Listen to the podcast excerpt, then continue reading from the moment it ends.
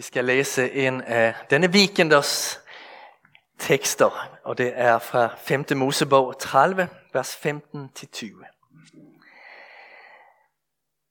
Moses sagde til hele Israel, Se, jeg stiller dig i dag over for livet og lykken, døden og ulykken. Hvis du lyder til Herren din Guds befalinger, som jeg giver dig i dag, og elsker Herren din Gud, vandrer af hans veje og holder hans befalinger og love og retsregler. Der skal du leve og blive talrig.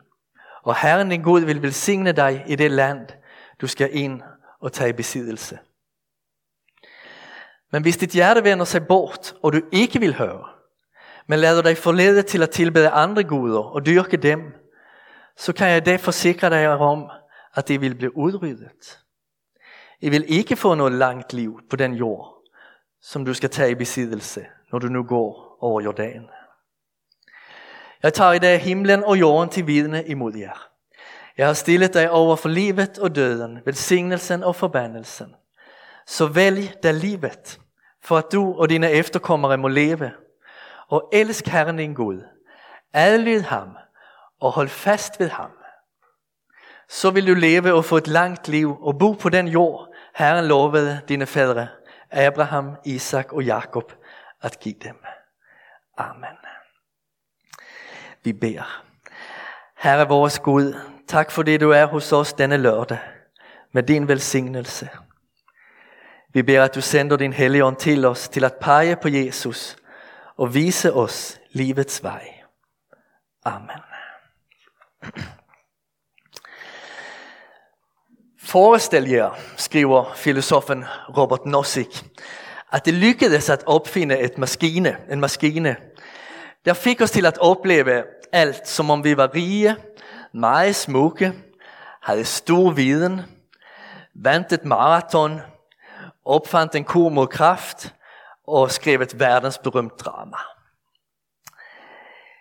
Ville vi så lægge os i den maskine i de kommende 12 måneder, spørger han hvis vi fik den mulighed? Eller ville vi fortsætte med det en smule mindre succesfulde liv, som vi nu lever? Jeg tror, at vi alle ville fortsætte med det liv, vi lever.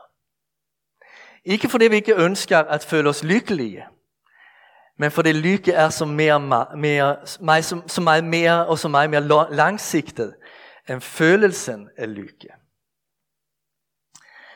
Når vi bruger ordet en lykkelig barndom, tænker vi ikke på en tid uden tårer og frustrationer. Men vi tænker på en tid af livslyst, opdagelse, tryghed og frihed. Når Herren her siger, at lykken er noget, vi kan vælge, så taler han om den slags længere forløb. Lykke er nydelse og dejlige oplevelser, men lykke er også at fordybe sig og blive dygtig til noget. Det er at gøre noget for andre. Det er at opbygge en god karakter og moral. Det er sunde, varme relationer. Det er den slags lykke, som Herren taler om, og som han byder os at vælge. De allerfleste af dem, der hør, først hørte denne tale af Moses, var blevet født i, i Sinai-ørkenen og havde boet der i hele sit liv. Gud havde konkret sørget for dem, og det havde ikke behøvet at tage de helt store beslutninger om, hvordan de skulle leve. Det lyder umiddelbart meget anderledes fra vores hverdag. Men måske ligner det alligevel lidt at have boet hjemme ved sine forældre hele barndommen og begynde rejsen mod friheden. Hvordan har jeg egentlig lyst til at leve mit liv, når jeg nu alt mere får mulighed for at vælge selv? Hvad skal jeg gøre med den tro, som mine forældre har givet mig? Hvilken plads skal den have i mit liv? Hvordan finder jeg livet og lykken? Konfirmationstiden giver en, giver en del tid til at tænke over det. Og i dag afslutter vi den med at tage imod tre kærlige formaninger fra Herren. Hvordan vælger vi livet og lykken? Det første. Lyt til Herren din Guds befalinger, love og retsregler, og hold dem. Som noget af det sidste vi på vores kursus gennemgik vi det ti bud. Det bliver meget tydeligt, når man gør det, at det er givende til os mennesker er omsorg. Når vi føler os fuldstændig brugt efter en uge, og presset af alt, hvad vi skal nå i skolen de kommende dage, er der en stemme, der siger, husk hviledagen. Du behøver den. Når vi fristes til at fortælle det seneste sludder, slår det os, du må ikke sige falsk vidnesbyrd imod din næste. Hvis noget ikke er sandt, eller ikke er kærligt, eller ikke er nødvendigt, kan du lige så godt lade være med at fortælle det. Når vi klager over, at andre har rejst til Nis på ferie, og vi måtte nøjes med Torse Lille Sommerland, er der en stemme, der siger, du skal ikke have begær. Det gør dig bare trist og modløs. Desuden har de faktisk det ret hyggeligt der i Tosselille. Herren er vores skaber, og han ved, at vi behøver både rum og rammer for livet. Vi kan ikke have regler for alt, så kvæles vi. Men vi behøver nogle gode, sunde pejlemærker. At følge dem har også et løfte om et langt liv med sig.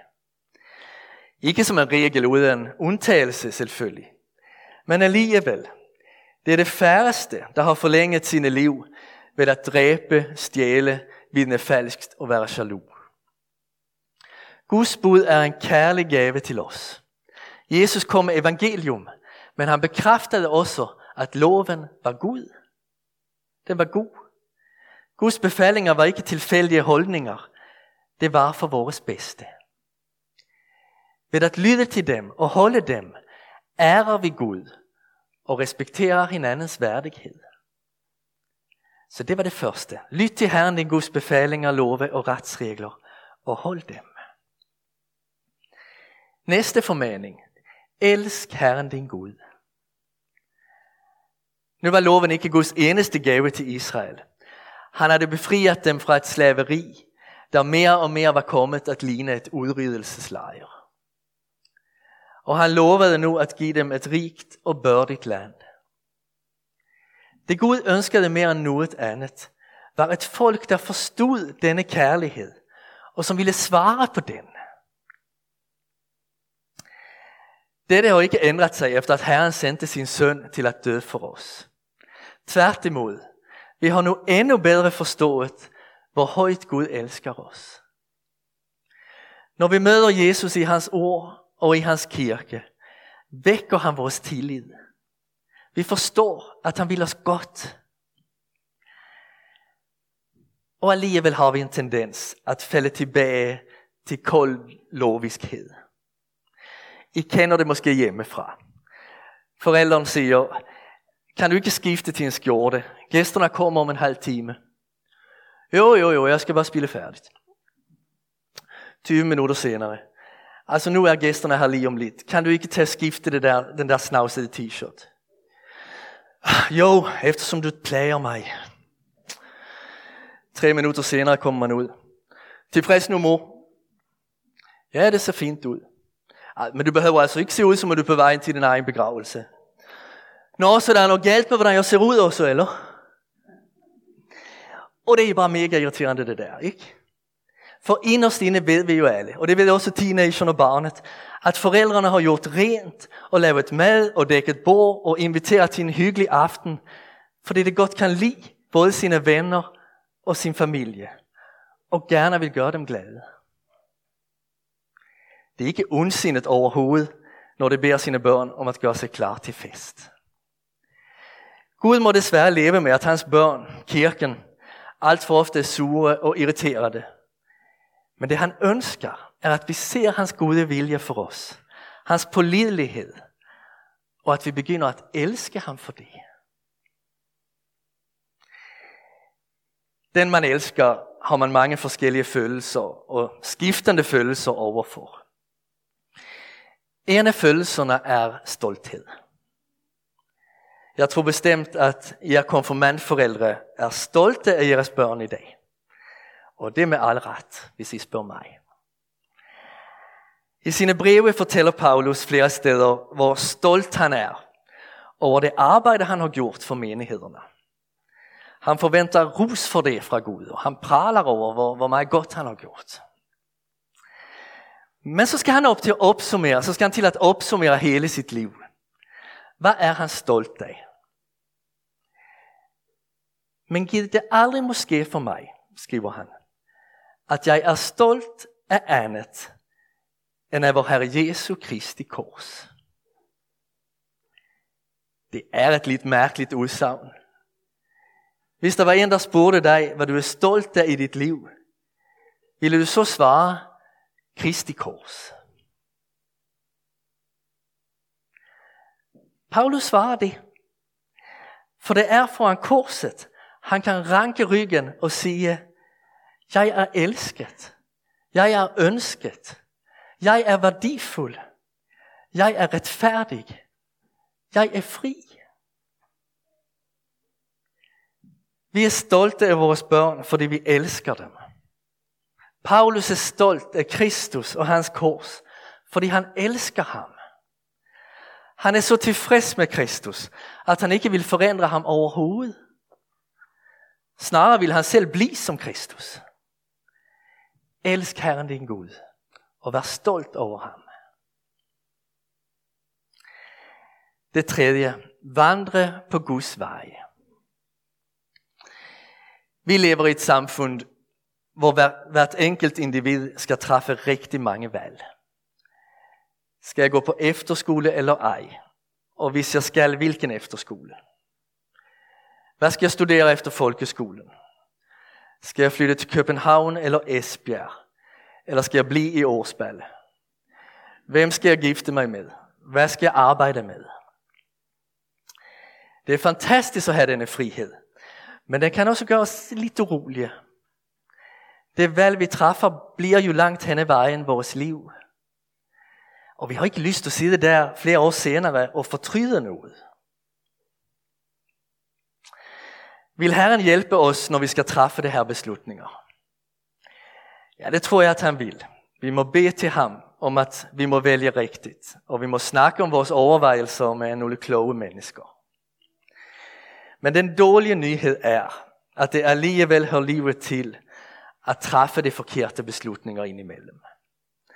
Vi skal, alle lære, vi skal alle lære noget af det dårlige valg, vi gør. Og vi vil alle stå i situationer, hvor vores valgmuligheder er få. Det er spillereglerne i, i denne her verden. Den gode nyhed er, at Herren i dag giver os en garanti for at vi overordnet set kan vælge rigtigt i livet. Da Moses formaner os at gå på Guds vej, formaner han os indirekt til at følge ham, der siger, jeg er vejen. Og det er ikke Donald Trump, det er Jesus Kristus. Faktisk er Gud mindre interesseret i om vi bor i London eller Lemvi, end af vores, hvordan vores relation til Jesus ser ud. Det lyder umiddelbart lidt uengageret fra Guds side, men det er altså en stor trøst. Ingen af os vil behøve at ligge på vores dødsleje og tænke, jeg burde ikke have vandret på Guds vej. Nej, vi vil sige, jeg fandt Kristus og opdagede, at han er lykkens vej, velsignelsens vej, livets vej, vejen til Guds hjerte. At sige ja til ham var mit livs vigtigste beslutning. Så til sidst, hvad er det at konfirmeres? Det er at endnu en gang at høre, at Gud siger ja til en. At han ikke har ændret sig, siden han gjorde det i dopet. Han holder stadig fast i jer konfirmander. At konfirmere sig også at høre Moses formaning, elsk Herren din Gud, adlyd ham og hold fast ved ham. Og det er at svare, ja det vil jeg. I dag siger vores konfirmander sit ja til kirkens tro, højt foran hele menigheden. Og det gør det ud fra Paulus ord, at hvis du med din mund bekender, at Jesus er Herre, og i dit hjerte tror, at Gud har oprejst ham fra de døde, skal du frelses. Men også til jer andre, der sidder her, eller foran computerskærmene, siger Gud sit ja endnu en gang denne dag. Han siger, jeg har lidt og gået i døden for dig. Jeg elsker dig. Du skal være mit barn. Og I må gerne udnytte denne konfirmationsdag til at også vi skal jeres ja tilbage til ham. Jeg vil elske dig, Herre, adlyde dig og holde fast ved dig.